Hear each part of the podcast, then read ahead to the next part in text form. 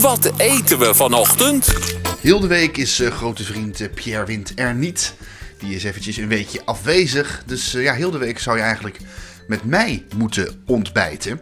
Nu kan ik je hopelijk een beetje geruststellen met het idee dat ja, ik al sinds 1 november 2021, dus zo anderhalf jaar al, in de ontbijtleer ben bij onze eigen Pierre.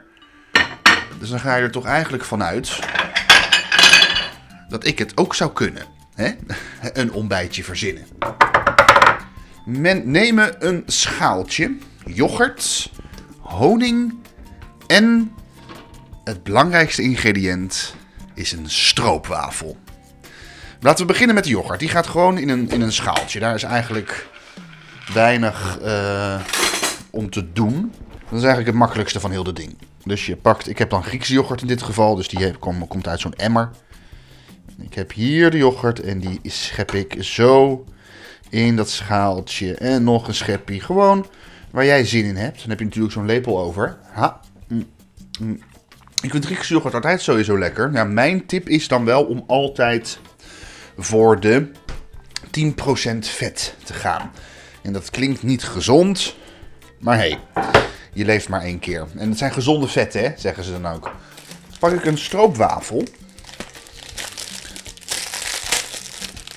En ik pak een groot mes, een groot, scherp, goed mes. En ik ga ja, die stroopwafel echt in hele kleine stukjes snijden.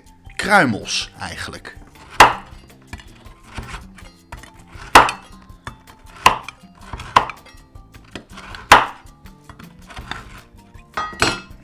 En ik heb ze, als je, als je helemaal hebt gesneden, dan verdeel je ze erbij in de yoghurt. En strooi je die kleine stukjes er doorheen. Vervolgens sluit ik af met een heel klein beetje honing erbij. Dat is net voor die, ja, hopelijk een beetje voor die, toch voor, voor die, voor die romigheid, voor die, voor die bite. En ook die, huppakee, gaat er zo doorheen.